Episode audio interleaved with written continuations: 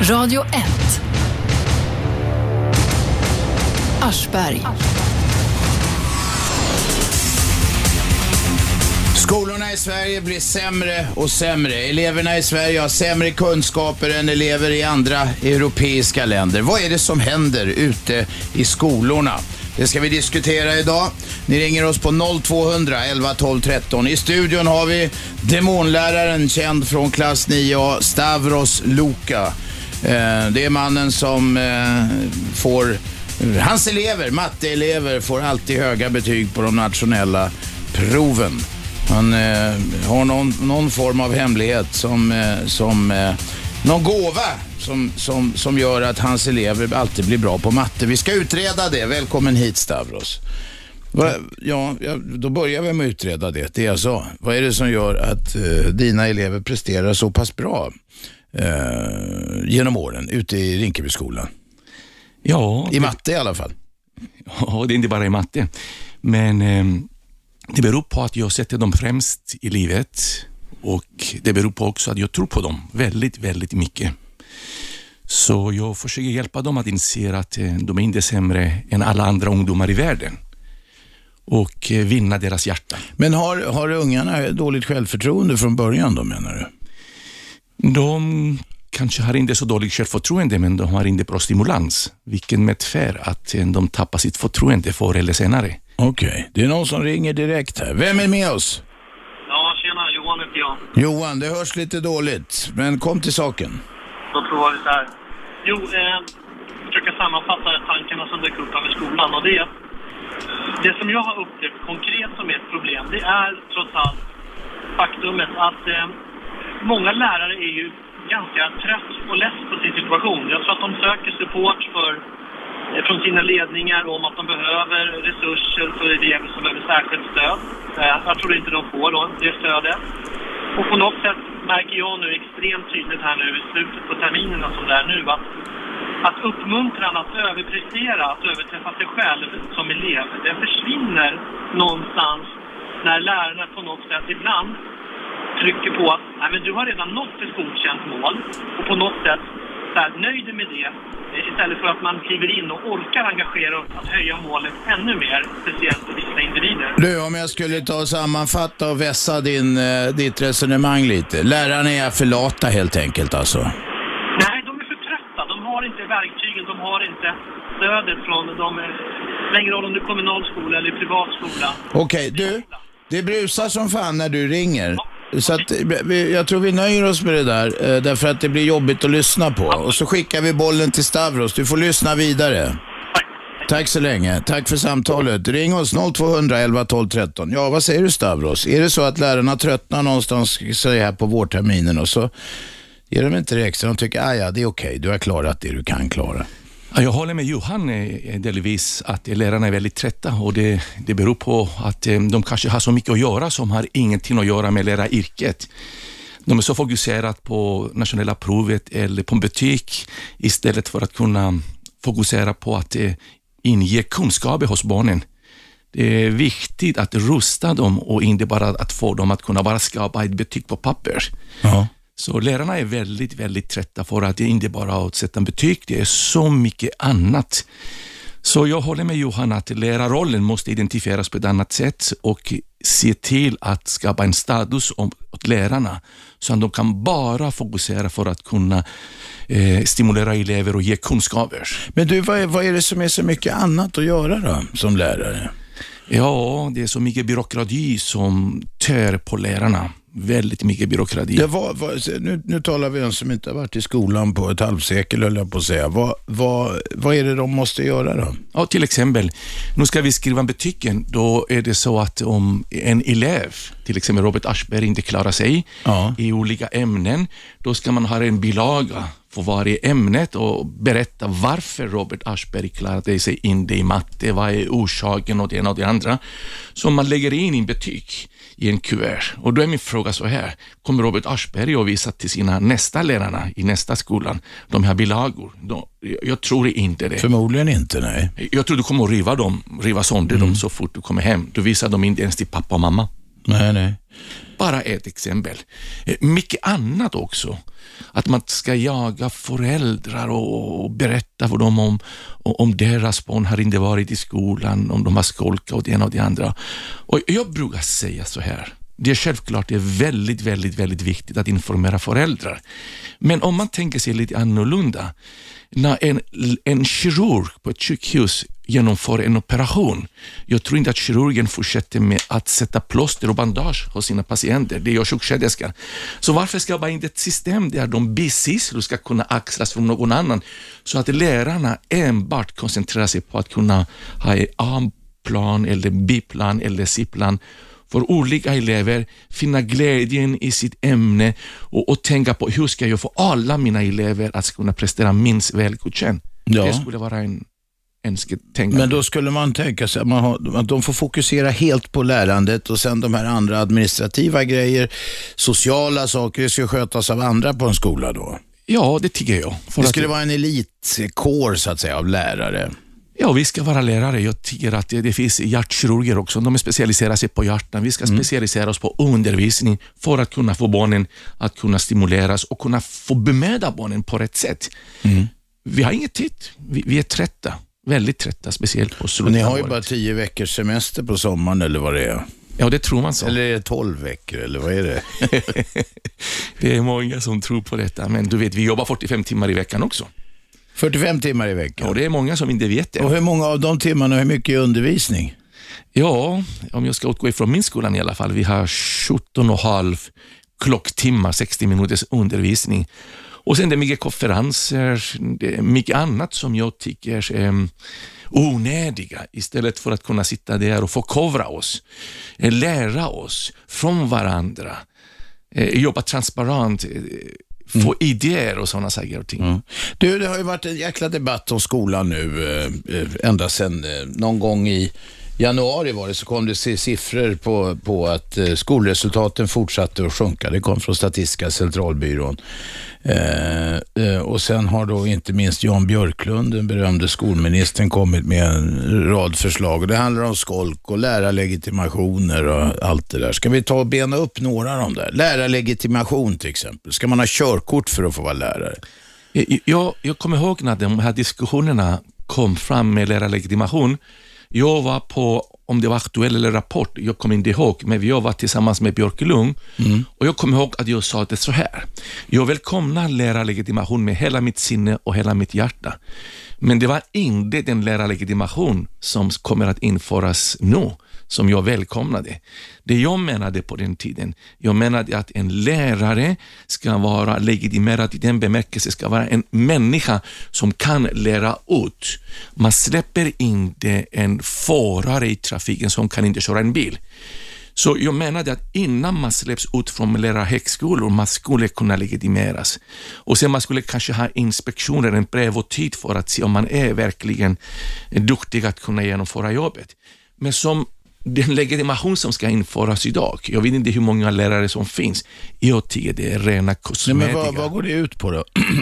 Eh, Jag har sett ett papper förra veckan där det sägs att vi som är redan lärare, vi ska samla alla våra betyg och skicka in och ansöka för att kunna få den här, för att kunna få Den här legitimationen Ja, precis. Vilken apparat. Eh, Det är en jättestor apparat, det kommer att kosta staten enorma pengar, vilket jag in, och vi kommer att bli, vi kommer att få den.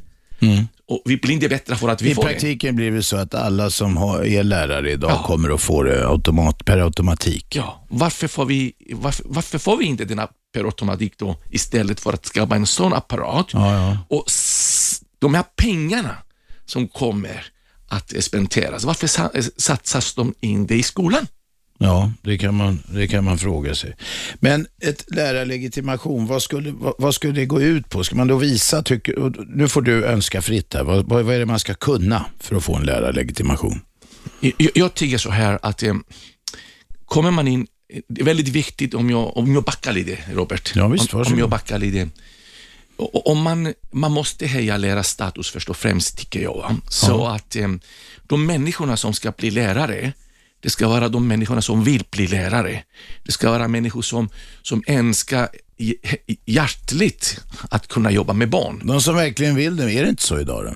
Nej, det är inte riktigt så idag för att när man gör en undersökning man ser att de som säger sig till lärare, det är inte första vals ansökning. det är de som de- vill bli läkare kanske, eller tandläkare, som inte klarar sig att komma in. Och då blir det tredje val. Eller... Och så blir man lärare för man kunde inte bli något annat. Ja, ja.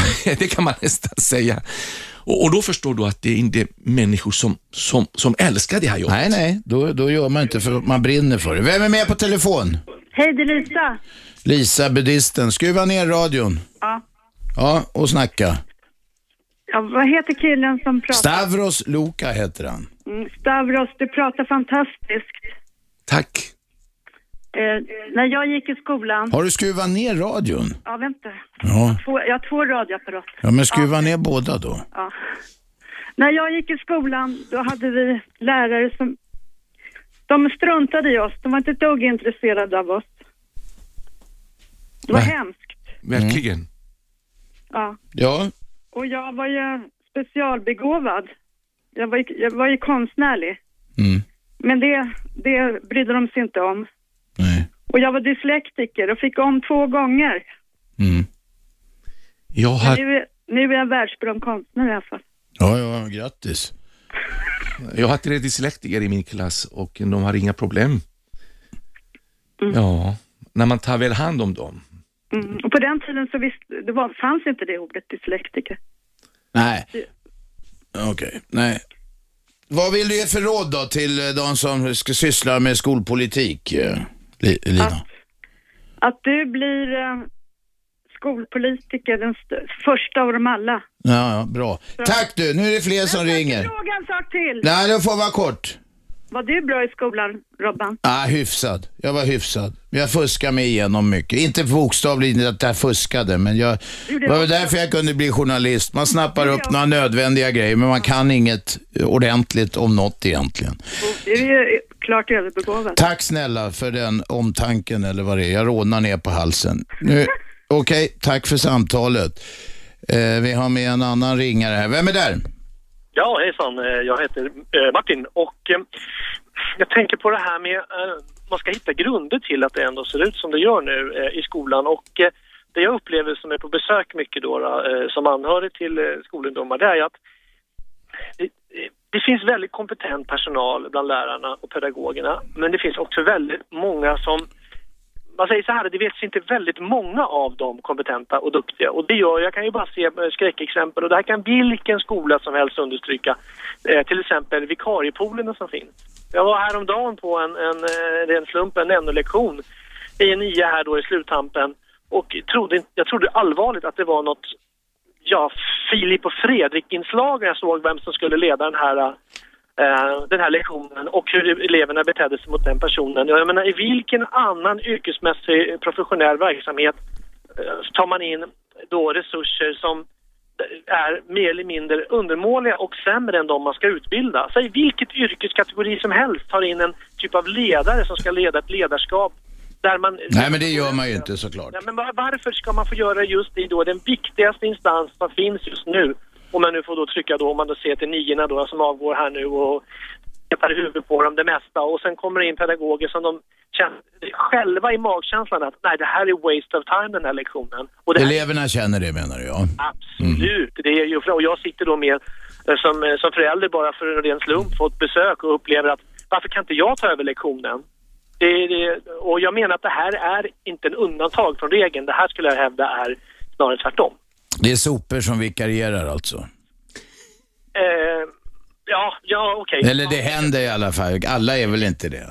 Men vi får, det, här, är- det här är radio och, och, och vi målar med bred pensel ibland Ja, för att det- man föra debatten Det vidare. är ju det är precis som i ett idrottslag. Jag menar, det är en tränare som tar ut spelarna och i det här fallet så har skolledningarna, de tar ut vilka spelare som helst och blir lagkaptener för sitt lag, det vill säga eleverna. Ruskigt bra bildligt beskrivet tycker jag. Hur, hur vill du ha det då? Nej, det måste, ju, det måste ju finnas ett intresse, det måste finnas en utmaning att vilja även vara vikarie eller vara som en extra resurs när det inte finns behörig personal. Jag menar, de som finns där är fantastiskt duktiga, de som brinner för det, men jag hävdar att de som då, i det här fallet då, vikarier som hoppar in, man ringer in i stort vad som helst som kan tänkas att leda en lektion, det funkar inte och det är alldeles för ofta. Mm, jag ska berätta en historia från 35 år sedan när jag var lärarvikarie i Haninge. Då hoppade eleverna ut genom fönstret. Ja. ja, jag ska inte gå i detalj på den. Nej, men bara för att avrunda det här då, det är mitt, då får man också komma ihåg att det finns ett procentuellt, och det här vet jag att Stavros också vet, ett stort antal som har speciella behov i varje klassammansättning. Och man sätter idag inte elever med speciella behov som, en, som egna enheter i skolan utan man blandar ut dem med lugnande element, några ska lugna andra va, och så vidare och så kommer det in pedagoger som inte har en färganing om vad det handlar om. Det kan ju bara sluta med en sak. Nämligen? Kaos bara. Kaos. Radio 1. Aschberg. Aschberg. Det finns 4626 grundskolor i Sverige och på många av dem håller det på att gå åt helvete. Betygen rasar, eleverna lämnas vind för våg på många ställen. Det är enorma orättvisor skolor emellan också och i studion idag har vi eh, Stavros Luka, mannen som eh, får högsta, eller, han har flera elever varje år med på högst i nationella proven. Från Rinkebyskolan, där han jobbar, också med Rinkeby akademin. Ring oss på 0200 eh, 11 12 13. Vi, vi, har, vi har Magnus med oss. Kom igen Magnus. Tjena! Jag har en fråga till han Stavros. Kom igen. Jag vet inte om det finns någon substans eller för jag har drömt. Men jag läste på någon löpsedel att han hade fuskat med någon nationella prov. Ja, då tar vi, tar vi den. Då tar vi den frågan. Han är det, rektorerna på båda skolorna, nej du får försvara, rektorerna på båda skolorna säger att det är omöjligt. Men ta det själv Stavros. Ja. Ja,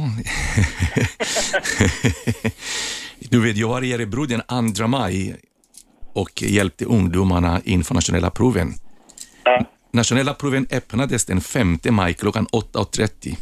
Så det är lite svårt att få den ekvationen för mig. Hur skulle jag kunna se på nationella proven tre dagar i förväg när de var oöppnade? Jag vet inte om det räcker. Nej, nej jag vet inte.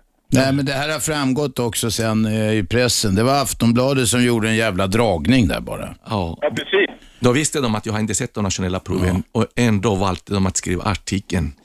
Båda rektorerna i Örebro och i Rinkebyskolan öppnade nationella proven dagen inför nationella proven inför många, många andra lärare. Den enda lärare som saknades, det var jag. Så jag var inte ens i närheten när de öppnades. Tre dagar efter. Så det, ja. Vad felinformerad man blir när man lä- läser löpen. Ja, man måste vara kritisk när man läser löpsedlar, men du, ibland kan det löna sig att läsa hela tidningen och hela artikeln. För när man läste den så sa faktiskt i den första någon rektor där att det där gick inte att göra. Så var det med det. Ja. Tack för samtalet. Fortsätt ringa 0200 11 12 13. Eh, Det handlar om skolan, det handlar om en sko svensk skola i förfall och det har debatterats väldigt mycket senaste eh, halvåret får man säga. Och, och, och många som försöker söka politiska poäng på det där. En sak Stavros, för att bli lärare i Sverige så ska man gå på lärarhögskolan. ja. Det lilla jag har hört om det så verkar det vara rena skämtet. Jag, jag, jag började att tala innan telefonerna ringde. Att det är väldigt viktigt att kunna få människor som vill bli lärare att säga sig till lärarhögskolan. Och sen lärare i högskolan måste inse att alla som uppfyller kraven behöver inte bli lärare. De, de, det måste finnas eh, inspektioner så att säga, eller prov.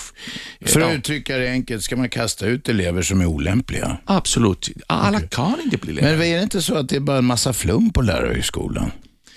Jag ska inte säga att det är bara massa flum, men eh, jag säger att det finns mycket, mycket, mycket gott, men man kanske måste göra om det lite grann. Man kanske har eh, eh, kontrollera de här eh, nyblivande lärarna om de, om de kan ta emot elever, om de kan genomföra undervisning. De måste kontrollera lärarna. Man måste ha en viss pondus också för att kunna ta en skolklass idag. Eh, eh, Jag tycker att lärare i högskolan måste tänka lite baklänges. Vad krävs det av en lärare i skolan när man är färdig lärare? Och, och de krav som, som man kräver från lärarna ska man se till att rusta dessa nya som kommer på lärarhögskolan Ja. så att de kan så, så de kan genomföra sitt jobb. Till exempel bemötande med elever. hur, hur många timmar lägger man och lärarhögskolan för att kunna, kunna göra detta. För att I alla kunna fall ta på, en klass och sådär. ja, i, I alla fall på min tid, det, det, det hade vi inga sådana timmar. Inget sånt. Eller undervisning, det här under, att kunna komma in i klassen och undervisa och inspekteras och få något som heter feedback om jag talar det på rätt sätt. Eh, Hur, mycket finns det? Jag, jag ser många, många elever som kommer från lärarhögskolor som kallas VFO-elever som kommer dit och eh, ja, de känner sig så otrygga och så osäkra. De, de har inte det som, som de borde ha fått på lärarhögskolan. Ja, jag, jag, jag tycker inte att de är tillräckligt rustade och eh, vi kanske måste satsa mera pengar på lärarhögskolan så att skapa sådana kurser som hjälper också lärarhögskolan att axla sitt ansvar. De måste styras upp. Vem är med på telefon? Roman. Roman, kom igen, tala till oss. Eh, jag eh, tycker så här att jag vet inte hur lärare sig, men jag vill säga att det är ingen respekt från eleverna mot lärarna i Sverige. Alltså de, det som jag har erfarenhet av. Var du själv sån Roman? Nej, men redan då när jag gick i skolan, då var det, alltså, då var det inte mycket mobiltelefoner på den tiden, men det var mycket raket och ja, massa prat på lektionen och ingen respekt mot, mot lärare och så. Men nu på senare tiden, då har det ju kommit även mobiltelefoner och massa... Ja, ja, det blir värre. Du Roman, du får hänga kvar. Radio 1. Aschberg. Varje vardag 10-12 repris 20-22 på kvällen. Ni kan lyssna på radio1.se också eller via telefonapplikation om ni har sån här smart telefon. Appen heter Radio 1. Ja, Ja, den skaffar ni på vanligt sätt. Den är gratis och alldeles utmärkt. I studion Stavros Luka. Läraren från eh, Rinkeby eh, eh, och deltagaren eller ledamoten i Rinkebyakademin, mannen som får eleverna att älska matte. Åtminstone rätt många av dem. De får bra betyg i det också. Han var eh, falskeligen anklagad för att ha fuskat med nationella proven. Det visade sig, det gjorde han inte alls och Skolinspektionen har friat honom och de där skolorna för övrigt på alla punkter. Vi talar om eh, de dåliga skolresultaten och med på telefon har vi Roman. Roman, det var så här, det var vad du sa före pausen. Du sa så här att eh, Ja. eleverna beter sig som fan. Ja, det finns ingen respekt mot lärare och det är ett stort problem i Sverige. Alltså, alltså det, och lärarna har, de vågar inte göra något för att eh, de blir hotade och då blir de, alltså det har även varit massa bråk och sånt. Det vet jag. Så att, vad har vår lärare från studion har att säga om det? Vad säger du Stavros? Ja, det, jag håller med om att eh, respekten är inte som det skulle vara egentligen. Men eh, man kan inte bara skilja på barnen att det är deras fel. Jag, jag tycker att det en, en duktig lärare, en lärare med pondus, som han vill vad han vill komma, så, så, som kan sin roll. Det borde han kunna inge respekt eh, i Eller hon kanske Eller hon, säga. ja, jag säger han, det är fel av mig. Ja, jag kommer från en patriarkalisk land så. Ja, Ja, han och hon, ja, jag menar hon också. Eh, vi har inte telefoner i våra klasser, eller i alla fall i mina klasser. Telefonerna stängs direkt och det är väldigt, väldigt stort respekt. Det är som att komma nästan in i en församling. Men alltså hur skulle du tackla problemet om det skulle uppstå konflikter med, din, med någon, någon, någon grupp elever som beter sig som fan och jag har ingen Hur skulle liksom, hur skulle du gå tillväga? E- Egentligen, eh, alla elever har väldigt, väldigt gott i sig och eh, ja, man har mera gott i sig än ont. Det gäller att hantera dem på, se- på rätt sätt och för att kunna hantera dessa barn, du måste ha en relation med dessa barn i förväg. De måste, om de tycker om dig som lärare, om de respekterar dig som lärare, om de ser de upp till dig, det. då kan, du, då kan du tala med dem som en pappa. Eh, eller som en vuxen vän. Ja, det, det där tror jag in- inte på alltså. För att de eleverna, den, de gruppeleverna som är konflikt, som söker konflikter, som är bråkiga, de, eh, jag tror inte de kommer att lyssna på det så här idag. Det, det, det är vad du tror, men eh, vi har de här konflikterna i Ringeby. Du vet, jag kommer från Ringebyskolan, eh, det svåraste området i Sverige. Ja. Och de lyssnar faktiskt. Det, jag är där varje dag. Det gäller att hantera dem och inte provocera dem. Det gäller att visa dem vad är som är riktigt och vad är som inte är riktigt på rätt sätt. Man måste vädja till deras känslor och hjärtan, för de flesta barn... Ha, ja, Roman, ja, så är det. Roman, Okej. Han- Den här mannen ser ju, det, ser ju det på jobbet varje dag. Det var länge sedan du gick i skolan. Det är många som ringer. Tack för samtalet. Hej. Vem är med? Nej, det var ingen som orkar vänta. Där då. Vem är med? Nej, inte där heller. Ja, de ringer i skov här. Plötsligt ringer alla. Här, det här gällde någonting tror jag som många ringde på. Vem är med? Ja, hejsan, Erik. Erik, kom igen. Eh, jo, eh, jag tänker på den tidigare lyssnaren här som ringde in och pratade om respekten och det. Och det jag tycker att han har en röd tråd. Sen finns det detaljer kanske som svävar lite. Jag, det är så här, ungarna och ungdomarna idag, de är ju absolut inte på något sätt osmarta eller okunniga. De kan vara okunniga i ett ämne när det handlar om att räkna, men de känner vibbarna i luften. De känner med fingret Eh, det här lite mentala som för sig kommer. Och att de tar ut svängarna och tar för sig tror jag har mycket kopplat till den tidigare eh, ringare när det handlar om det här med eh, trovärdigheten i den lärarkåren som ändå finns fysiskt på plats. Må det vara vikarie eller utbildade, men de snappar upp direkt att ja, nu är det den där vikarien. Ja, ja, men så de sätter också en status i den ledaren som de får i sin grupp för tillfället. Kommer en utbildad eh, person som tror på sig själv, som tror på sitt yrke, då kommer det smitta på lärogruppen, den de, de ska utbilda på en gång. Men de känner direkt när det är någon som inte funkar, någon som är inkastad, som är vem vill leda lektioner? Ja, jag kan väl, kommer någon och säger. Den personen är rökt även i respekten från eleverna, för de känner att det finns ingen respekt i den pedagogen. Men det är, väl, det, är väl, det är väl sunt på ett sätt om vi vänder på resonemanget. fullt mänskligt. Ja, jag menade att jag vill försvara eleverna på det att de måste också, utan att ta ifrån ansvaret från eleven, så måste det även finnas ett, ansvar från andra hållet. Att visa, det är vi som är eh, eliten som ska lära er någonting. Och även om man nu inte är det så måste man ändå framstå som det. Man kan inte ta Humle och Dumle från gatan för att man ska fylla en lektionstimme med någon vuxen. Då Har du någon erfarenhet själv av skola eller ungar i skola eller något sånt där? Ja, jag har, eh, jag är eh, så att säga en så att säga outbildad vikarie som finns tillgänglig bara för att skolan skriker efter och det gäller gymnastik för att jag har en stor ledarerfarenhet. Men Hur får du stil på ungarna då? ja, jag, ska vi säga så här, jag har lyckats få lite status för jag har turen att ha många av de här ungdomarna då även utanför skolan i andra idrotter. Då. Eh, och där har jag ju då så att säga rättfärdigat min närvaro genom ett förtroende som jag byggt upp eh, utanför, idrott, eller utanför skolan i en annan idrott. Då. Men då har jag nu lyckats använda den lite grann i akuta fall i skolan. Men jag hävdar att det är helt fel väg att gå. Men, eh, Vilken väg är fel menar du? Att, Ja, att jag så att säga ska vara, vara som en resurs som är outbildad och så vidare bara för att Ja, ja. om att eleverna har respekt för mig. Det är faktiskt för mig helt igen, helt galet. ja, ja. För lösa grunder. Du, är för, du är för någon form av legitimation då till exempel? Ja, det måste finnas en röd tråd. Det här med legitimation, det är ju bara symbolsaker. Och det kanske är en viktig symbolsak. Nu nickar, nu nickar Stavros. Ja, jag, jag hävdar, det är symbolsaker och jag hävdar att det fortfarande handlar om att ungarna älskar att prata om respekt. De vet knappt vad det handlar om egentligen, men de har hört att det är något viktigt. Nej men det är sån skit de har sett på gangsterfilmer och sånt där. Precis, men då måste man på något sätt, man behöver inte ha en gangster som lärare, men måste tro, de måste få känslan av att den här pedagogen, den här läraren, det är någon som har koll på läget. Ja, ja. Jag ska snacka ungarnas språk va. Det är hela nyckeln hela. Jag har koll på läget därför att jag har koll på dem i en annan aktivitet. Men skolan då gör det lite enkelt för sig att de tar in mig då som en resurs. Du är undantaget som bekräftar regeln. Ja. Bra, tack för samtalet. Vem är där? Hallå, Hallå, vem talar vi med? jag talar med Marianne, heter jag. Varsågod. Tack. Jo, jag är förvånad över att eh, vi får ha sådana beslutsfattare i den här Rosenbadbaljan som bestämmer att vi ska ha privatskolor.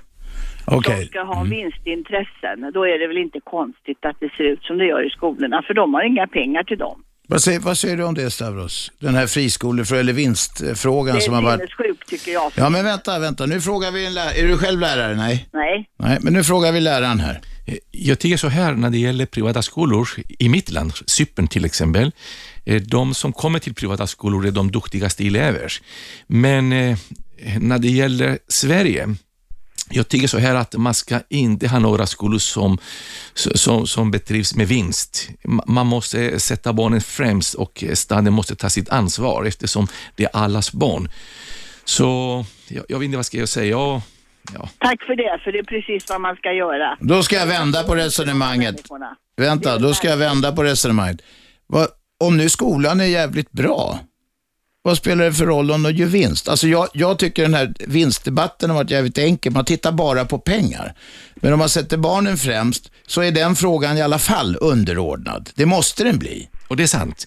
Men om... Och Stavros, du säger staten ska ta sitt ansvar. Skolan är kommunaliserad för fan på, från början på 90-talet. Ja, det vet jag jag var emot det. Ja, och det, vad säger du om den då, ringaren? Jo, men det tycker jag med, alltså med, med kommunala. Men det, Sverige ska väl ändå hålla sig med bara kommunala skolor där de ska ha det bästa för allas våra barn. Men var det inte bättre då? In... klok om man inte förstår det. För man kan ha vinstintressen i andra saker, men inte på skolbarn. Var det inte bättre då innan Göran Persson kommunaliserade skolan?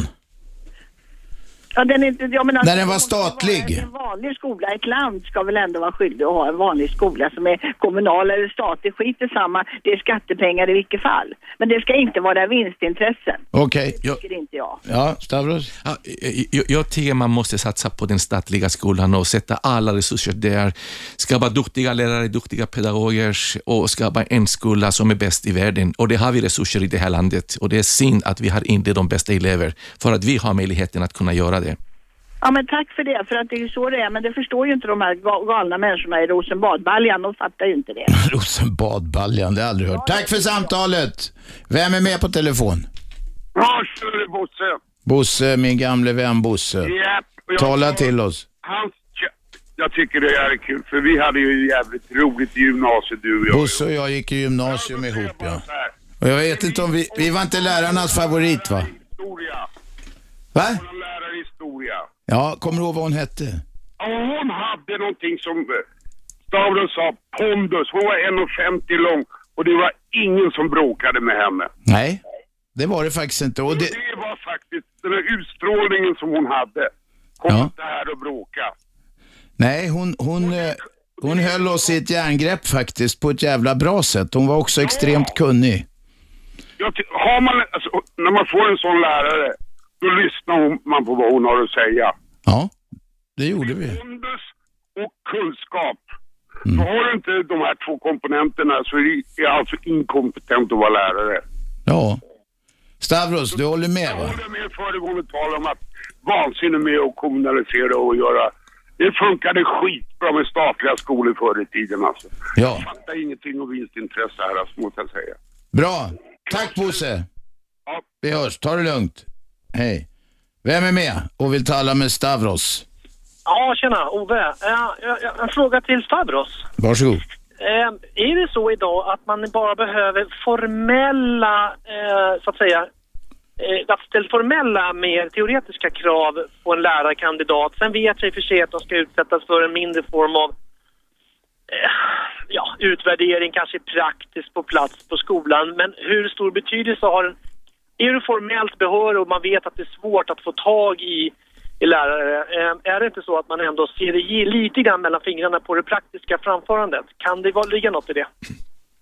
Ja, det är en ganska komplicerad fråga som du ställt egentligen, för det, det finns säkert de som har inte lärarbehörighet som är väldigt, väldigt duktiga lärare. Det kan man inte stiga under stolen. Eh, Så är det, för att det finns de personer som kanske, är, om man tänker på föregående talare, som har både pondus och kunskaper, men de har inte det här papper som ser att man är lärare.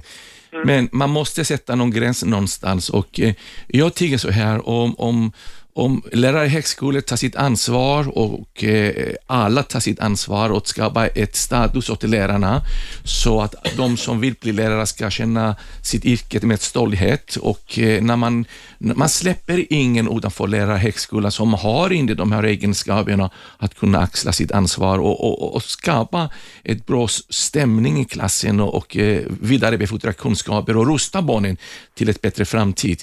Så ja, för, för rättvisans skull, va? Det, det, det måste man ha för att det, Men om man, om man vänder på det så här. Eh, idag så har man väl teoretisk utbildning innan man går ut på praktik. Är det så som Ja. lärarkandidat? Borde det inte på något sätt vara så att, att man näst, tvärtom kanske man inte kan göra, men att man ändå in, att man på något sätt eh, flätar ihop det här Ja. lite intensiva med praktiken. Att, för då kan du ju upptäcka att ditt, i din teoretiska utbildning att du är jag förstår din fråga Ove, för jag hade en diskussion just praktisk utbildad. Alltså, Mm. eleverna kommer äta upp dig, smula sönder dig och sen Släpp in Stavros nu. Det är så här Ove, jag hade en diskussion just om det här eh, som du nämnde för ett par veckor sedan. Man kanske borde skapa någon sorts utbildning på det sättet. Man går in i skolan och går igenom ett ämne eller ett område i ämnet teoretiskt och direkt ut i praktiken i skolor och tillämpa det man fick lära sig och inspekteras också att man gör det på rätt sätt. Det har varit fantastiskt att kombinera både teorin och praktik tillsammans. Mm. Eh, jag, jag har bara lite tips, eh, eller en, som jag tror är en bra lösning på det här. Eh, när vi var små, eh, eller lite yngre alla vi som kan, ja, både ni där och jag, då hade man ju en skollärare med tops på huvudet och Bullerbyn och så vidare. Va? Idag så tror jag att man måste se läraren, se en helt annan individ i läraren, för man måste ändå komma på att det finns många, många som har brist på manliga förebilder. Det behöver alltså kanske tänka om lite grann, att det kanske kommer in lite tuffare, lite mer påiga, lite grann Stavros-typer som blir mer förebilder, tyvärr. Istället för att bara bli förebilder som lärare så ska de bli förebilder både som stand-in-föräldrar eller några mentorer i, i en annan roll också. Utan det ställs alltså galet höga krav tror jag idag för att lyckas som lärare helt enkelt. Då kan man ju undra en sak också. För några decennier sedan, eller när det nu var, så, skulle, så sa riksdags, eh, riksdagen att riksdagen skulle hålla ungefär lärarlöner. Det var, ansågs vara en rimlig ersättning för riksdagsledamot. Idag har riksdagsledamöterna dubbelt så hög lön som lärarna. Man kan då beskriva det som att lärarna alltså har hälften av den lön som riksdagen för några decennier sedan ansåg var rimlig. Och det är också en statusmätare. Hela, om man då fastslår det, i det resonemanget som du har nu Robban, så är det ju så här att det finns det är det här kluvna tungorna. Va? Man kan inte låtsas att man ska försöka få upp statusen på en akademisk utbildning som ger de här pengarna. Det finns bara ett sätt. Det är in med hur mycket smet, in med privata pengar och in med vad som helst. Det finns inget annat sätt än att höja, höja status på saker och ting. Radio 1. Aschberg. Det är jag, det gör vi sänder varje vardag 10 till 12, repris 20 till 22 på Radio 1, Sveriges nya pratradio. 101,9 är frekvensen. Det går också att lyssna på radio1.se eller via telefonapp om ni har smart telefon. I studion Stavros Luka, vi diskuterar den svenska skolans förfall. En vinkel att tänka på det är ju det att eh, i maj i år så utredde Sveriges kommuner och landsting skillnaderna i kostnader mellan olika friskolor. Och lägsta läsårskostnaden visade sig vara 73 000 kronor per elev och den högsta var 192 000 kronor per elev. Nästan tre gånger så mycket alltså. Apropå det vi snackade om eh, vinster förut. Med på telefon, Ingegärd. Varsågod Ingegärd. Hej, Jag har själv jobbat som lärare och jag har precis samma omdöme som Stavros. Man måste ha vara mycket gott självförtroende, ha mycket kunskaper och vara ödmjuk. Och barnen bestämmer på två, tre minuter när man öppnar dörren om, om de accepterar den eller inte. Och det var det roligaste jag visste. Det var, jag jobbade både med grundskolan och högstadiet och plockade fram de elever som har dåligt. Så att det, det var det roligaste jobbet jag har haft. Jag har haft mycket annat också.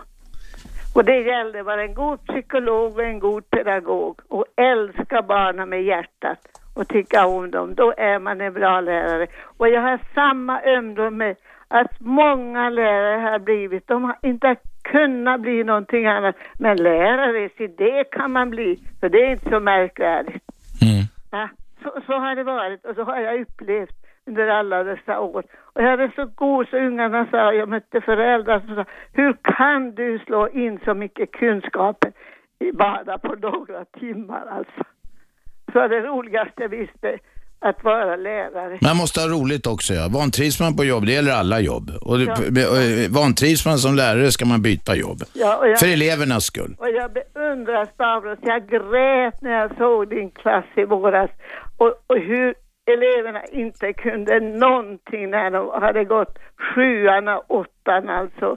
Jag, jag storgrät när jag satt och tittade på stackars eleverna. Och rektorn där, hon visste ju ingenting heller. Alltså, det var bedrövligt att se hur dessa barn ska komma ut i världen inte ha några kunskaper. Men självförtroende, gott omdöme naturligtvis. Och så var en god psykolog och en god pedagog. Jag tror att Stavros håller med mig i de, det läget. Det är jätteroligt att få höra att, att du jobbar med hjärtan, Inger. Ja. Det är Jag, toppen. jag träffade dig personligen, men det, det, det, det, det, det är som sagt var. Du, du, du påminner mig om mina gamla förfäder. Du vet, Alexander den store en gång i tiden, han, eh, ja, okej.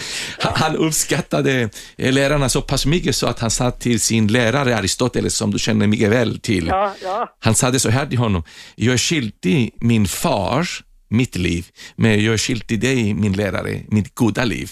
Så man ser verkligen hur det var med läraryrket på den tiden.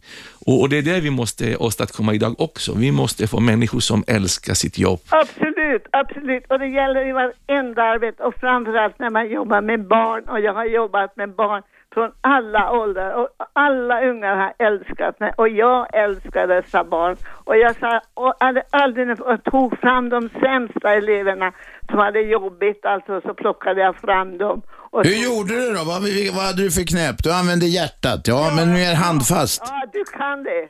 Ta- Mer handfast, vad gjorde du? Ingenting. Alltså jag hade barn och hjälpte till. Jag hade alltid med dem som kompisar. Alltså man ska vara ödmjuk med barn alltså. Och inte vara någon slags dominerande person. Och, ah, jag är märkvärdig för jag är lärare. Men det kommer man ingen vart alltså. Då, barna, de bedömer direkt vad du är för en person. Mm. Det är säkert. Och det tror jag Stavros håller med mig. Ja, jag tror att man, man behöver inte göra så mycket så att, för att kunna få barnen att kunna inse att man älskar Nej. dem. Nej. Du vet, det här personliga intresset som man visar, eh, ta reda på vad de heter och vad deras namn Ja. betyder till exempel, vad de har för kultur bakom sig, varför det Ja, ena och det ja. andra. Eh, Vi lever i en, ja, i en värld som Ja, är ganska ja, ja. narcissistisk, så sätter man barnens intressen de känner på sig och de, Exakt, exakt. ja det ser du, vi håller på. Ja, En god psykolog ska vara, nu har jag läst mycket psykologi och pedagogik också, och filosofi alltså.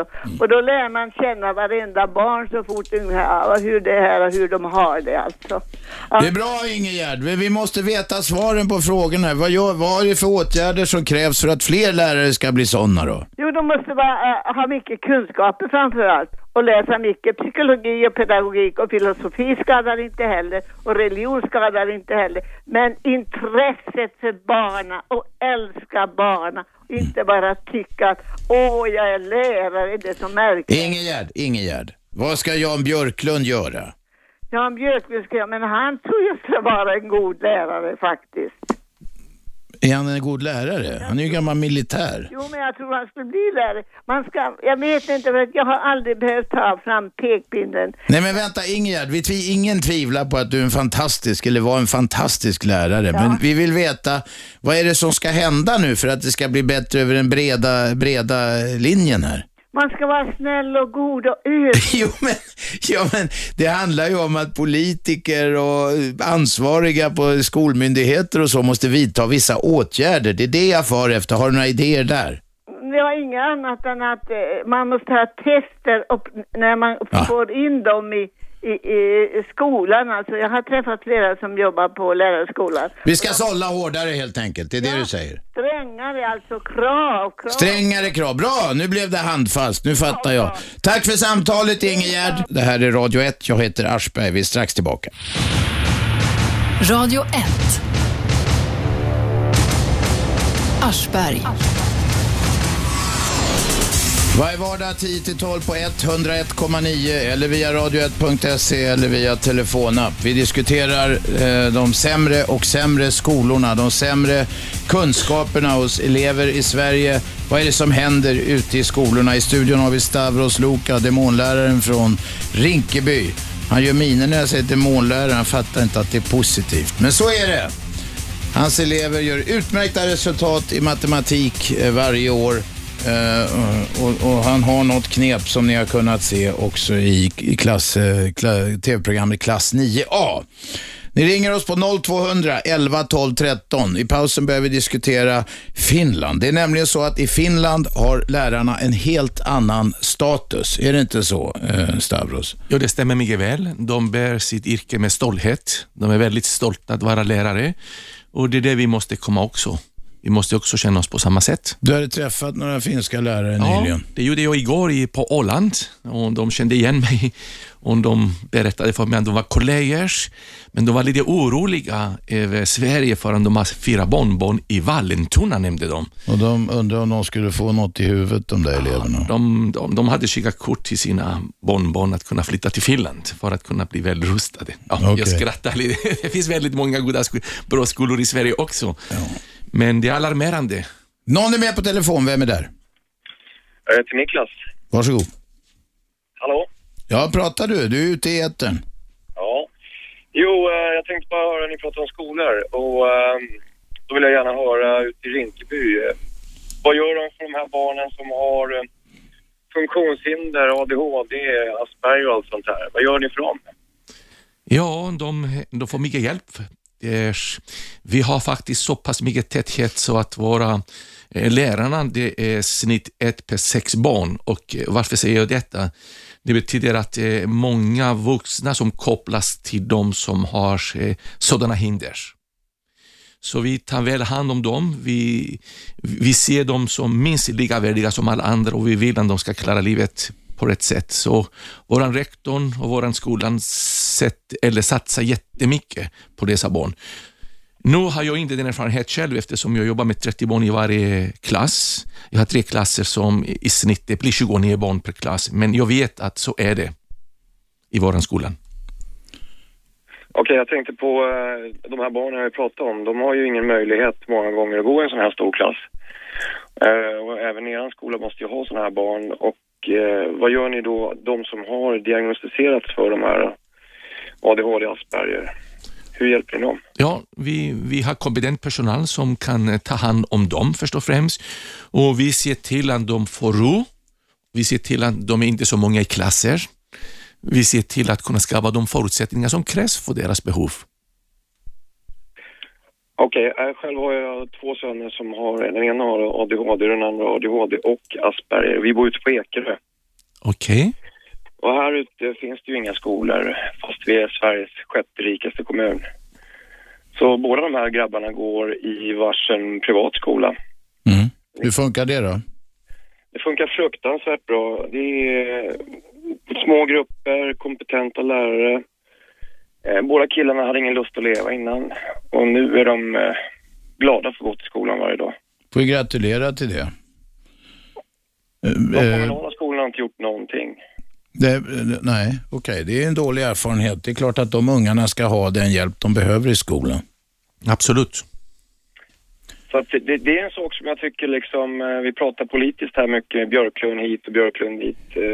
Det tas otroligt lite upp vad de gör, Björklund och, och kompani för just de här barnen. Det verkar vara en väldigt känslig sak att ta upp.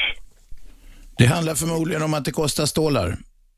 Det är det, det är att, det, att, det, att det är dyrt och det är att eh, ta hand om dem extra om de barn. Så det är därför de inte politiker gärna vill snacka om det. Det är en gissning. Ja, men i långa loppet blir det ju bara dyrare. Ja, det är möjligt, men de tänker inte så. De tänker inte lika kortsiktigt som de här börskillarna som tänker kvartal för sina storföretag, men de tänker, de tänker istället eh, mandatperioder. Stavros? Alltså de tänker kortsiktigt alltså. De borde tänka långsiktigt, det är det som är viktigt. Jag brukar säga så här, jag har den erfarenhet att kunna gå till, tand, till tandhygienisten varje sex månader för att kunna slippa gå till tandläkare. Jag vet inte om min illustration kan vara till hjälp. Satsar man på dessa barn tidigt, då- får man mindre bekymmer och mindre kostnader efteråt. Så visar alla studier och erfarenheter i alla grupper och yrken. Ja. Är du nöjd med svaret? Vi kommer inte längre. Nej, det gör vi inte. Ha det så bra allihopa. Tack detsamma. 0200 11 12 13 ska ni ringa om ni vill komma in i samtalet. Vi diskuterade Finland. Lotta här, min redaktion, tog reda på lite grann om några förutsättningar för finska lärare. Ja, delvis så är man lärare för årskurs 1 till 6 så har man en magis- magisterexamen i pedagogik. Magisterexamen, Ja. då har man fått plugga en hel del alltså. Jajamän, och eh, dessutom tar de in speciallärare från årskurs 5 i vissa ämnen och så till eleverna. Sen tjänar finska lärarna 2600 euro i månaden och det baseras på en vecka där de har 18 lektionstimmar som är på 45 minuter. Och plus att det är helt accepterat att de har ett långt sommarlov. Det är samma lön på alla skolor så att du kan liksom inte dela till det någon bättre lön på någon skola. Och som rektor tjänar du inte mycket mer än en lärare. Men de anser sig, de säger själva, det har jag sett i tidningsreportage, att de har en bra hög status alltså. Och det gör de. Ja. Och det är därför de, eh, de, de, har presterat, de har presterat och presterat väldigt mycket. Man ser att eh, det finska skolsystemet har inte förändrat sig, om jag minns rätt, sedan 1950-talet. Så, Okej. så de, de ser vad det är som fungerar och fortsätter med det som det fungerar och det fungerar jättebra. Och de har mycket bra resultat i en internationell jämförelse va? Jag, jag, jag hade en föreläsning för eh, svenskfinnarna i, för ett år sedan och när jag läste om dem, de har de bästa resultatet i matematik i Europa. Oj då. Aha. Och eh, ja, så kanske det borde vara någonting för oss att kunna studera det finska systemet. Det Björklund, en Björklund får åka till Finland helt enkelt. Den gode Björklund som eh, han ägnar mycket tid åt eh, skolk och vad man gör åt det. Nu vill han införa att det ska stå hur mycket man har skolkat i slutbetygen och sånt där. Han ledde själv en, eh, en strejk i sin skola en gång i tiden mot just detta. När han var någon elevrådsordförande eller något. Men tiderna förändras. Även Jan Björklund. Vad säger du om den här skolk, eh, skolkdiskussionen Stavros? Egentligen, eh, det här med skolk, det borde inte ens existerat. Och om man skulle kunna få barnen att tycka om att komma till skolan, att tycka om sina lärare, då skulle de inte skolka. Jag har gjort själv en statistik i smyg så att säga. Eh, Samma grupp i tre år. Jag kontrollerade eh, hur mycket skolk de hade hos olika lärare. Och, och innan jag gjorde statistiken, jag kunde pricka eh, intu, intuitivt eh, hos vilka lärarna skulle de skolka mest. Och jag hade rätt efter tre år. Hos de lärarna som de trivdes väldigt bra, när de mådde bra, de var nästan hela tiden där. Och, så, så, så, så är det. Man vill umgås med dem man tycker om. Det är en mänsklig princip. Så alltså vad vi hamnar på i den här diskussionen tycker jag hela tiden, det är att det handlar inte om, i första hand om, om eh, betygskrav eller från när betygen ska sättas. Det handlar inte så mycket om hur skolan ser ut eller vem som driver den. Det handlar inte så mycket om regler för skolk eller sådana saker. Det handlar om lärarnas kvalitet. Ja, jag, jag brukar säga så här. En lärare ska vara en romantiker. Han ska inte vara en bulldog. Är man en romantiker, då vill man komma till en som är romantiker. Är man en bulldog, man vill gå därifrån. Jag gillar illustrationer, så jag ska inte trampa någon på tårna. Så, så, så är det. Jag, jag, jag vill gärna träffa dem jag tycker om, de jag trivs bra med att vara med. De jag inte tycker om, jag, jag vill inte vara med. Nej, så enkelt är Och så det. är det är för klart barnen. att eh, det är så för ungarna också. Nu talar vi enkla ekvationer. Det finns mycket annat också. Det finns också de barnen som, som sätter kunskaper främst och tar sig i kragen och går dit också. Men varför inte göra det lite lättare för barnen genom att kunna se till att man har sådana människor eh, som får barnen att känna att skolan är attraktiv. Man måste attrahera barn och inte attackera barn. Nej, men man kan då inte heller bara hitta lärare, alltså att om man bara letar efter lärare som ser detta som ett kall, nästan som religiös, att man, att man vill ut och höja kunskap och så. Man måste ju förmodligen, och, och här kanske skorna börjar klämma lite grann, höja löner, se till att få bättre arbetsvillkor, sådana saker. Då börjar det kosta. Men är inte det nödvändigt då, om man vill höja lärarnas status? Jo, det här med att höja status, eh, det, det hänger inte bara på pengar. Men jag förstår att det är en väldigt viktig faktor för att har man höga löner, då är det så att det är många, många, många flera människor som kommer att säga sig till lärare utbildning, vilket innebär att vi har möjlighet att kunna sortera. Det, det finns konkurrens. Och Då borde man kanske kan, kunna ha intervjuer och fråga dem som vill bli lärare, varför vill du bli lärare? Precis som man gör med tandläkare, varför vill du bli tandläkare? Är det så? Man väljer där alltså? Ja, jag vet från min dotter. Två Ja. intervjuer, muntliga Ja. intervjuer, för att kunna se om den person passar för att hantera människor, att bemöta människor. Det vet du själv, du har lite tandläkarskräck. Så om Det var inte så farligt. Jo, jag tycker inte om jag. när de borrar. Så man måste kunna ha, hantera människor. Ja. Så har man mycket att välja, då, då kan man välja kanske de som är bättre lämpat. Och för att kunna finnas många som ville komma till läraryrken, det, det måste finnas en status både penningsmässigt, utbildningsmässigt och hur man ser på läraren idag. Mm. Du vet, eh, jag är cypriot som du vet, grek-cypriot. Och eh, lärarna på Cypern de har högre status än läkare. Fantastiskt. Man går nästan, man skyltar när man är lärare. Hur många skyltar i det här landet att man är lärare? Det är ganska intressant. Jag, jag, jag vet att eh, man nästan tjänar mer pengar när man är bussförare än lärare. Eller när man kör taxi. Det har jag gjort själv. Ja, ja. okej.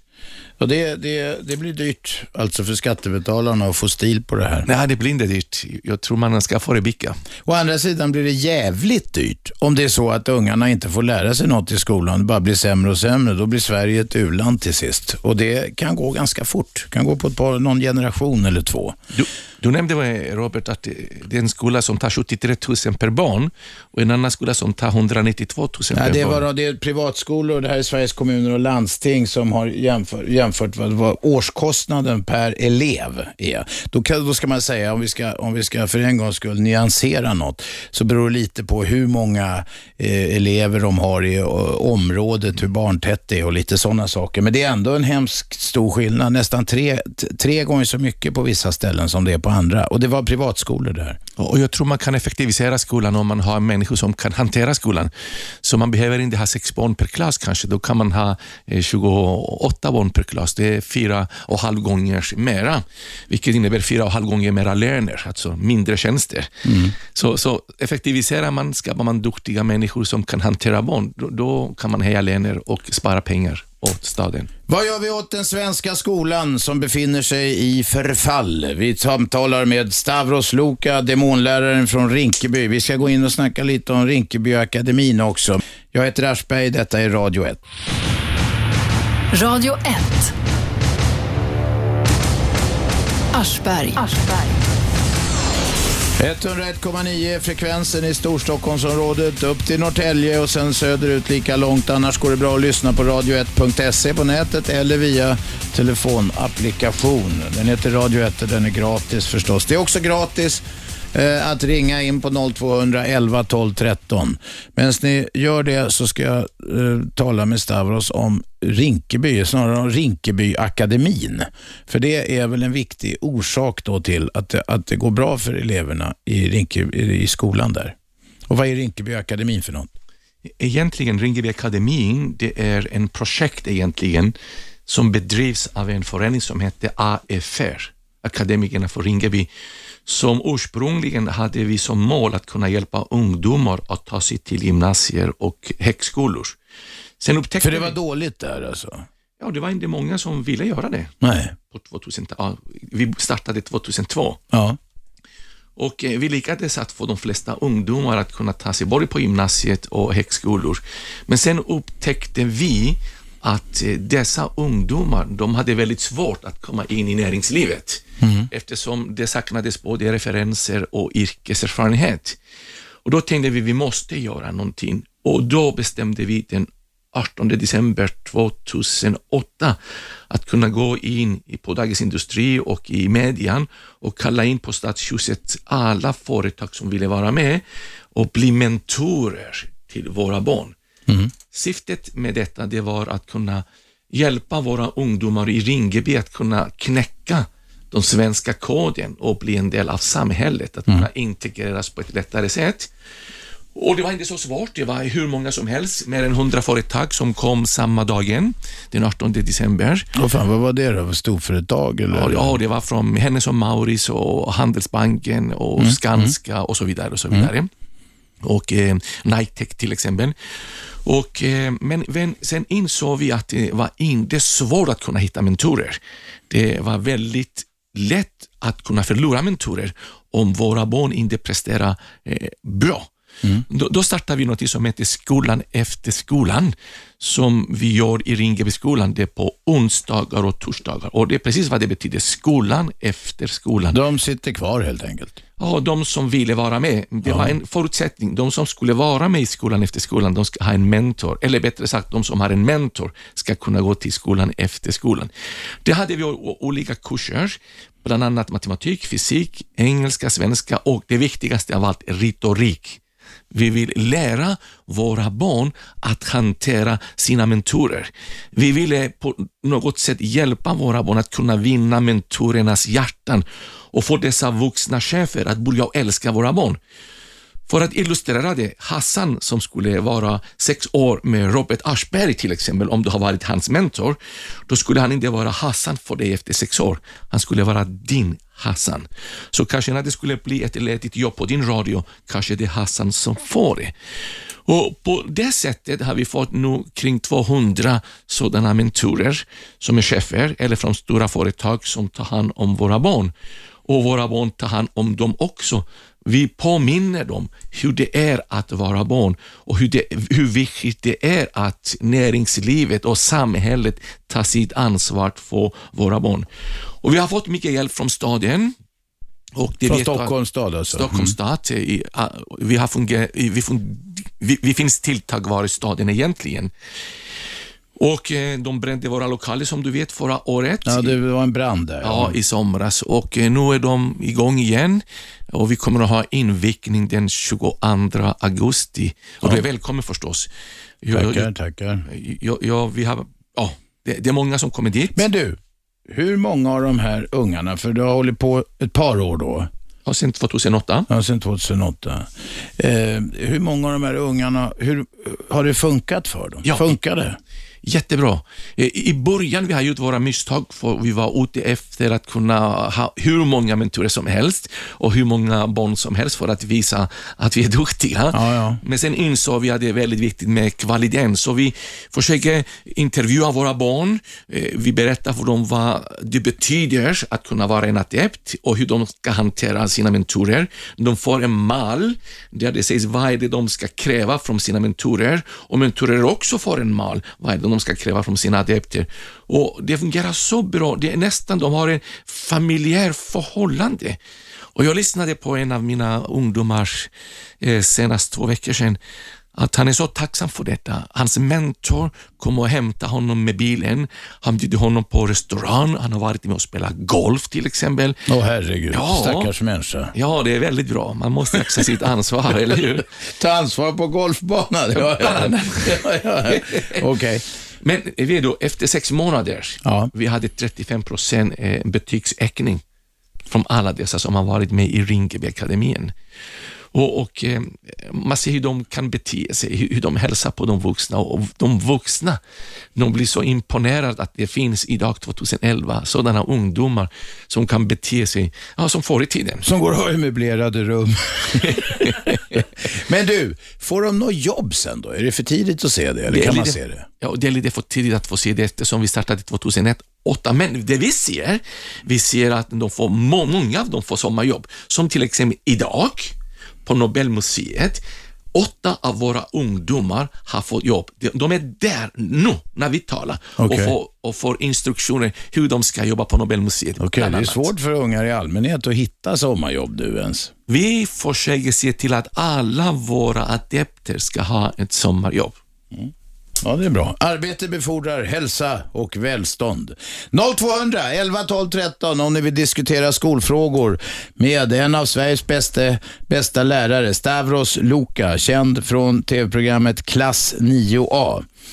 De svenska res resultaten för elever i svenska skolor, de rasar. Eh, Sverige är inte något toppland längre. Vi håller på att åka ner på Europalistan kraftigt. Vilka, hur, vad vet du om det Stavros? Med, vad, vad står Sverige nu på en europeisk topplista? Jag vet inte faktiskt. Jag ska inte säga saker som jag inte vet, men vi ligger inte bra till när det gäller matematik och NO-ämnen. Det vet jag. Det vet du. Och där ligger Finland i topp och vi försökte utreda lite grann vad det kunde bero på. Eh, lärarna har hög status, de har bra lön. Det ställs hårda krav på deras akademiska kompetens och det gör det ju inte här. Om man gått eh, gymnasium, så får, bara man har gått ut gymnasiet så kan man direkt få lärarvikariat, eller hur? Ja, det verkar så. Ja, det verkar så. Och eh, Även om det är då korttid, kan till och med vara långtidsvikariat. Och det, det är, tycker inte jag framstår som speciellt seriöst, måste jag säga. 0200 11 12 13 om ni har synpunkter på skolan och skolpolitiken. Eh, ni får gärna diskutera skolk. Det tycks vara en väldigt stor fråga här. Sen är frågan om vad skolket beror på. Det eh, kanske inte få lika stor uppmärksamhet eftersom det handlar om just vilka lärare som är bra eller dåliga. Stavros hade gjort en egen undersökning, sa han nyss, eh, där han visade att de, elev, de lärare som eleverna gillade, där var det väldigt lite skolk. Men de lärare som var trötta och oengagerade, där var det jättemycket skolk.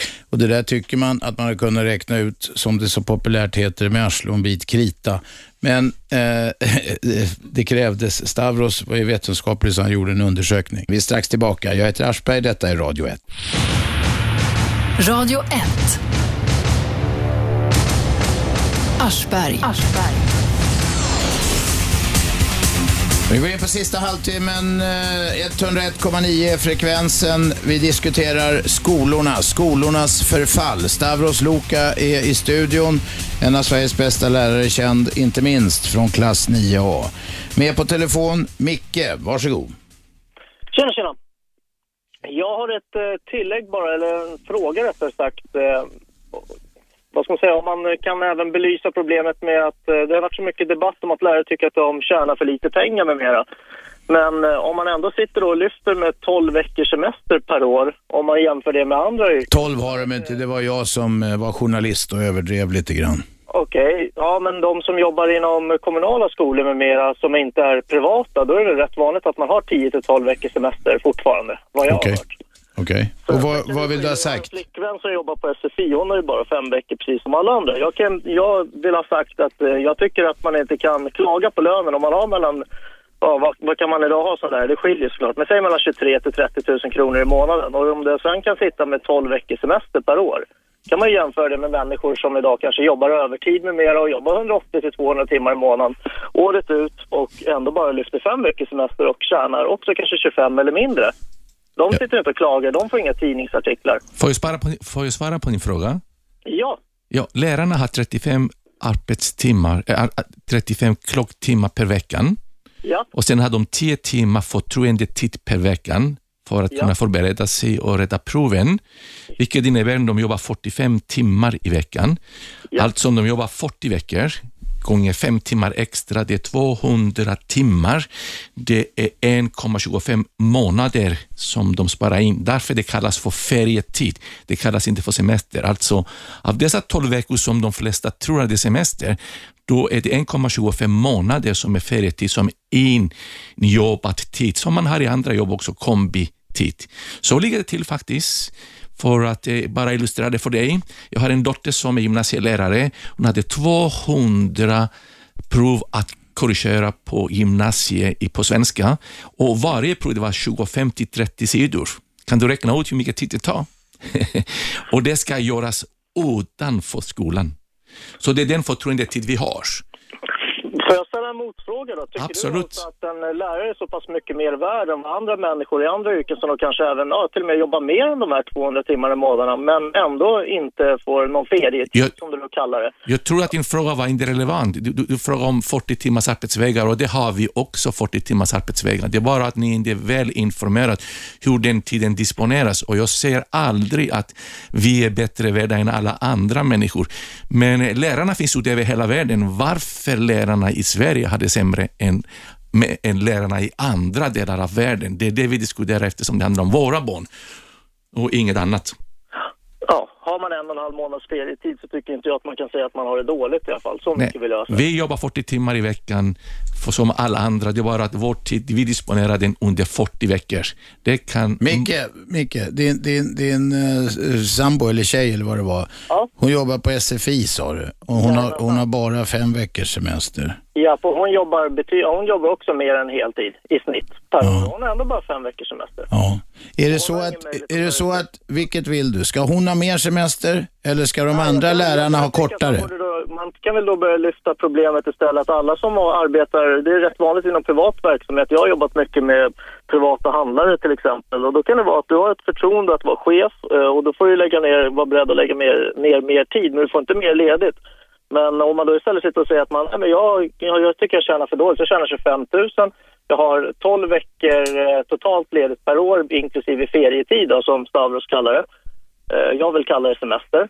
Eh, då, kan man, då måste man ju börja lyfta problem överallt. Alltså jag, man kan ju inte bara sitta och poängtera att eh, nej, men lärare, vi tjänar för dåligt men vi är ändå mer ledigt än vad alla andra. Mikael, om du jobbar fem timmar extra i veckan i andra företag, i de flesta företag, övertid, då får man betalt för sin övertid. Vi får inte betalt för vår övertid, därför vi tar, det som, vi tar det som ferietid, som kompensation. Som i de flesta företag, man kan stämpla tidigare och jobba längre dagar och ta det som kombitid, sa- ta extra semesterdagar. Så är det överallt nästan.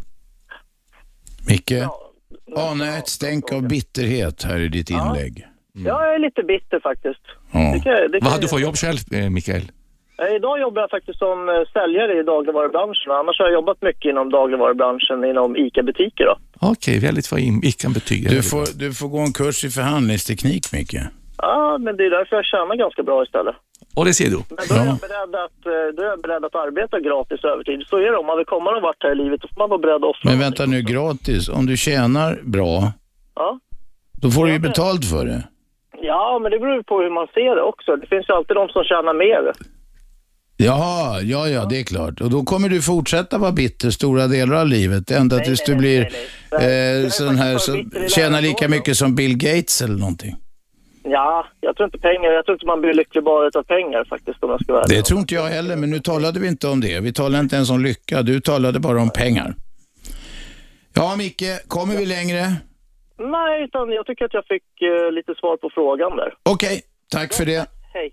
Fortsätt ringa 0200 11 12 13. Vi diskuterar förfallet i de svenska skolorna och det som eh, att lärarna är ledig, lediga länge på sommaren. Eh, det är de ju faktiskt. Du ska åka till Cypern va? Det ska jag göra. Ja, vad, vad blir det där då? Du blir hos ofta bara? Nej, det, det kommer inte att bli så ofta. Jag kommer att jobba med skolorna på Cypern också. Okej. Vem är med på telefon? Birgitta. Birgitta, jag trodde aldrig du skulle ringa idag. Ja, Jag har bara en liten betraktelse så. mm. Eh, har inte ungarna lite för mycket lov? ungarna har för mycket lov. Först är det höstlov, sen är det jullov och sen är det sportlov och sen är det eh, pingst och det är och så Pingst, du, du vill att ungarna ska gå i skolan på pingsten, Birgitta? Nej men de får, de får ju ledigt liksom. Ja. Så det beror lite på hur det ligger i almanackan och så vidare. Vilka lov vill du ta bort? Ja, alltså det här höstlov, det hade aldrig jag när jag gick i skolan. Det var ju för att de skulle kunna hjälpa till och skörda och sånt där hemma. Åka hem till gården och ta upp, hjälpa till att ta upp potatisen eller E- Egentligen, skörda vetet. Ja, Stavros. Ja, egentligen, det, det här med hästlov, det, man ser missuppfattningar som finns i Sverige. Det är inte hästlov egentligen. Det är så att lärarna har studie, ett antal studiedagar per år. Om de brukar lägga in dessa studiedagar just den veckan så att barnen är lediga. Annars de skulle bli, man kunde lägga dem varannan månad dessa studiedagar och då innebär att barnen skulle vara lediga varannan vecka, eller hur, man passar på. Och, och det de har gjort nu har de samlat alla studiedagar i en och samma vecka så att barnen har, som det kallas för höstlov. Ja. Och Då fick du förklaringen till ett lov, Birgitta. Vad sa du? Då har vi äntligen, jag har vi hjälpt till att klargöra en sak här. Ja, Du fick förklaringen till ett lov. Men du får gå till din riksdagsledamot och kräva att det blir färre lov. Nej, men ibland känns det som att idag att Mm. eh, de har mera lov än vad de är i skolan. Ja. De är 40 veckor i skolan. Ja, Birgitta, vi tackar för samtalet. Vem är med oss? Ja, hejsan. Tony. Tony, kom igen. Jo, jag tänkte på det här. Eh, min dotter, hon hade lite problem i skolan när hon startade, började skolan. I ettan. Eh, och det som slog mig då, det är att man inte mäter barns kunskap ifrån årskurs ett. Utan att man först börjar mäta det i årskurs fyra. Men, menar du betyg, eller? Ja, någon, sätt, eh, någon utvärdering av vad, vad barnen kan. Ja, vad säger Stavros? Ja, det får, jag jobbar inte med låg och mellanstadiet, så, men vad jag vet, det fanns en nationell prov i årskurs fem förut. De kanske hade det i fyran och det vet jag inte riktigt. Men jag håller med, man skulle mäta kunskaps, kunskaper från, ja, från första året. Det är bra att veta Ja, var barnen befinner Ja, sig. För, för det har ju kommit fram, hon tillbringade första två årskurserna med att rita i sina böcker istället för att räkna och skriva. Ja. Men enligt hennes lärare så hade hon uppfyllt alla mål i sina årskurser. Och sen när vi började rota vidare där så visade det sig att hon har dyslexi dessutom. Det, man, man kan ju inte mäta någonting. Men det var en lärare som inte hade pejl på vad som hände då? Ja, det gäller ju hela skolan. Eh, det var ju inte bara hon utan det är ju alla barn. Hur går det för din dotter nu då?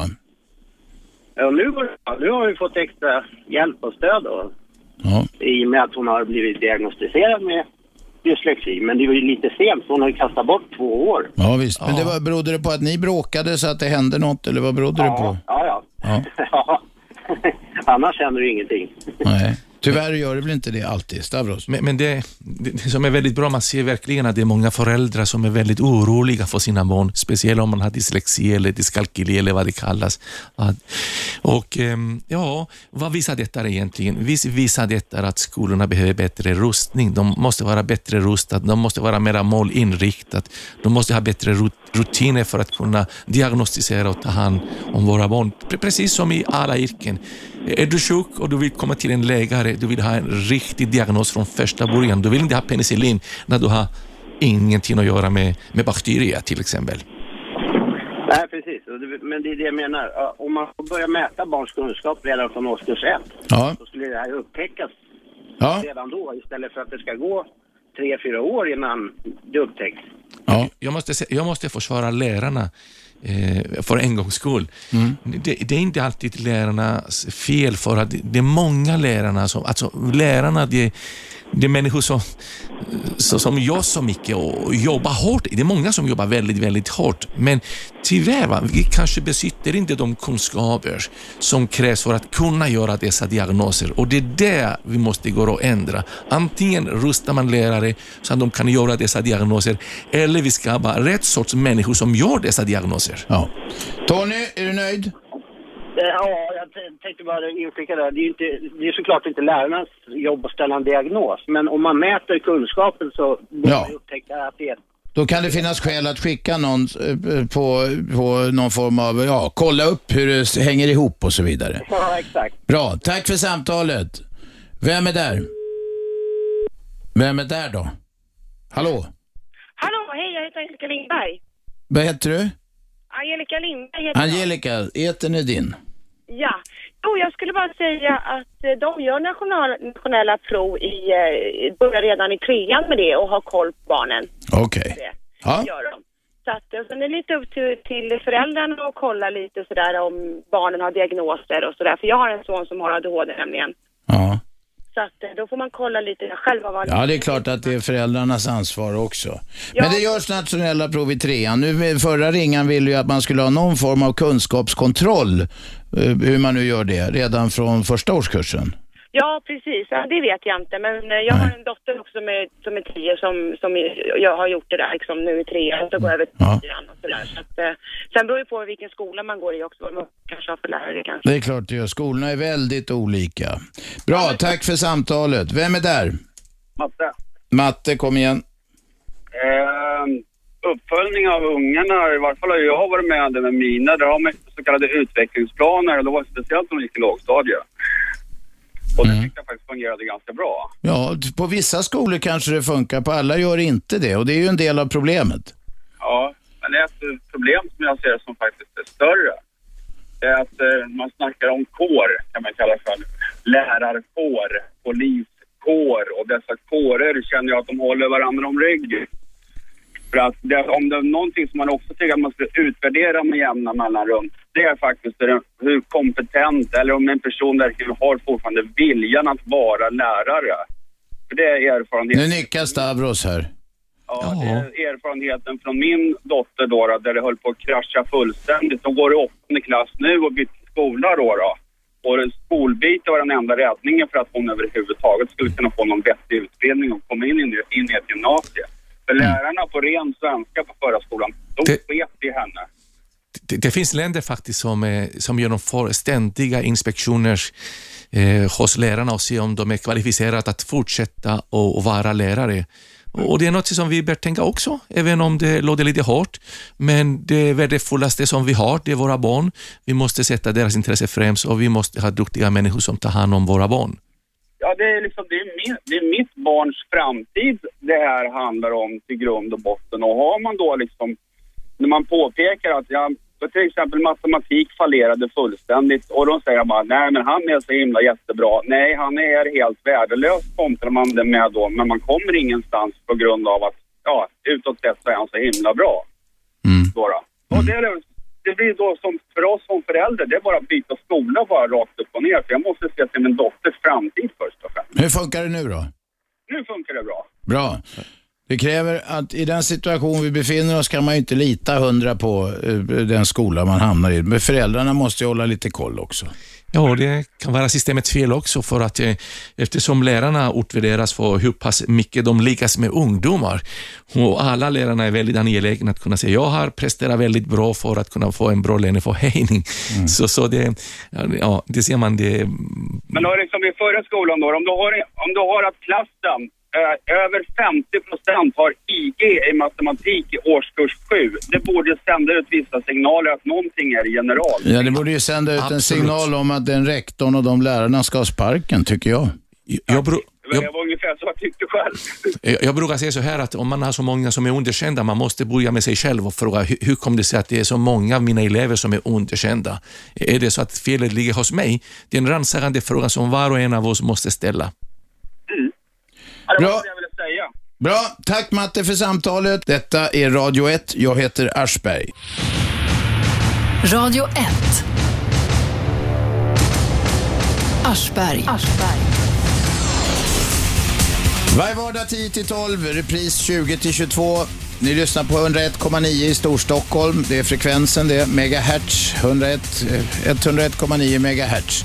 Eller så kan ni lyssna på www.radio1.se eller via en telefonapp som är gratis och funkar alldeles utmärkt. Vi diskuterar förfallet i de svenska skolorna, Stavros Loka i studion och Fredde skulle ju vänta. Han är inte kvar. Fredde ringde på 0200 11 12 13. Det är slutspurt i programmet. Vi har 7-8 minuter kvar. Ni som vill ringa 0200 11 12 13 om ni har några synpunkter på skolan ringer nu. Ja, Stavros, hur ser det ut framöver? Vad kommer hända med skolorna? Och jag hoppas att det händer saker och ting så att eh, våra barn får det bättre. Och jag tror alla vill att det ska hända saker och ting, så jag hoppas att det händer saker. Det har varit en intensiv debatt här, men det här är ju som att, att, att, att få en sån här jätteoljetanker att svänga. Man lägger om rodret helt och sen så tar det en jävla tid innan skeppet eh, byter riktning, färdriktning. Jag tycker man måste se skolan långsiktigt och man måste börja och tänka lite så här.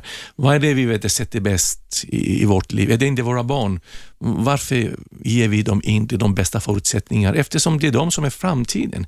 Så visst är det en oljetanke, men det går också att eh, svänga en oljetank. Ja, det gör det. Men det tar tid och det var det jag menar. Och det kostar pengar uppenbarligen här att göra saker. Ska vi höja kraven på lärarna, eh, höja kraven på vikarier, för det kommer man alltid behöva, va? Eh, så kommer det att kosta pengar. Jag tror att en, en skola med, med lärarna som har status och kompetens, man kan skapa ett system som man läser eh, vikariekraven inom skolan. Så man behöver inte ta utanför. Och om vi har likvärdiga lärare, lärare som kan fixa det hela, då, då kan man gå in och, och hjälpa till. Det är inte en enda elev som har ringt här, eller kanske några tidigare elever, men ingen aktiv elev har ringt här, utan folk har ringt och sa hur det var när de gick i skolan. Det har ringt föräldrar som har ungar i skolan. Fan, eleverna har sommarlov nu. De, Ja. kanske, de kanske är ute i det vackra vädret istället, vad vet jag. Ja, det tror jag säkert. Du, eh, eh, Rinkeby, eftersom det är där du jobbar, hur länge har du jobbat där? Ja, Jag har jobbat i Ringebyskolan sedan antingen 1999 eller 2000, jag kommer inte ihåg riktigt Nej, ihåg. men det, det är en bra stund alltså. Ja. Eh, och det ansågs vara en riktig problemskola, va? Ja, det var det. Ja, och nu är det en bra skola. Vad var det som hände? Jo, det är så att eh, skolan har satsat jättemycket för barnen och vår rektor verkligen gick in på att kunna ändra de här ryktena. Och, och eh, istället för att eh, försöka att spara under de här ekonomiska kriserna, han hade seglat igenom kriserna och satsat istället. Ja, man kan inte, han bromsade sig inte ur en uppförsbacke som det heter. Det, det, det gjorde han inte. Vem är med på telefon? Hallå? Det är sista ringaren för dagen. Vad vill du? Vad heter du och vad vill du? Jag heter Emelie Andersson. Emily, kom igen. Ja, jag gick i gymnasiet för tre år sedan. Ja, Eh, Och det som irriterade mig mest då var att jag gick en väldigt avancerad linje. Mm. Eller ja, någonting sånt. Och eh, för mig var det mycket svårare att få högre betyg än vad det var för en person som gick en annan linje. som var lättare menar du? Ja, kanske, alltså det ska väl inte vara lättare, det ska ju vara lika för alla. Men problemet var att jag upplevde det som att jag hade jättesvårt att få höga betyg medan mina kompisar i andra klasser hade det mycket lättare. Mm. Eh, och det berodde helt på vilken lärare man hade. Eh, och det tycker jag är väldigt, väldigt dåligt för att det sätter ju en i en helt annan sits än när man ska in på högskola och så vidare. Men du, är det inte så då, om man läser, ska vi säga mer avancerade eller mer teoretiskt krångliga saker så blir det jobbigare? Jo, det blir det ju. Men som exempel, de, alltså grundkurserna, exempel matte A eller matte B eller engelska A, eller bara en enkel religion. Eh, de kurserna tycker jag ska vara likvärdiga oavsett vilken linje du går på. Det ska vara lika svårt för alla. Sen så, om man väljer att gå en mer avancerad linje, då borde man, alltså då, då, då får man ju avancera ju längre man kommer. Men menar du att ni hade krångligare religionsundervisning än de på andra linjer eller? Ja, alltså vi fick eh, göra liksom en rapport på tio sidor medan min grannklass fick göra, alltså skapa en egen religion. Ja, Okej. På Ja, ja, det, det är lite så jag tycker. Att jag tycker att det ska vara lika för alla. Men du, alla låt mig gissa. Det går bra för dig idag. Jo, det gör det. Det ska vi säga. Men jag tycker fortfarande att det ska vara lika för alla. Jag tycker inte att det ska vara något undantag. Eh, och har man problem, då ska man självklart få hjälp. Det, är, det är inte ett undantag heller. Nej. Men det är det jag irriterade mig mest på när jag gick i gymnasiet. Bra. Då hoppas jag att eh, en del beslutsfattare och många lärare och rektorer lyssnade på detta. Tack för samtalet. Ja, tack. Det får bli dagens sista. Imorgon diskuterar vi hemlöshet. Massor med hemlösa, eh, inte minst i storstäderna i Sverige. Varför blir det så? Hur lever de? Vad kan man göra för att hjälpa dem och se till det? Tack Stavros Loka för att du kom hit. Lycka till med det fortsatta arbetet med Rinkeby akademin. Tack eh, alla lyssnare för att ni hängde med. Vi är tillbaka imorgon 10.00. Hör oss då. 101,9 Radio 1. Sveriges nya pratradio.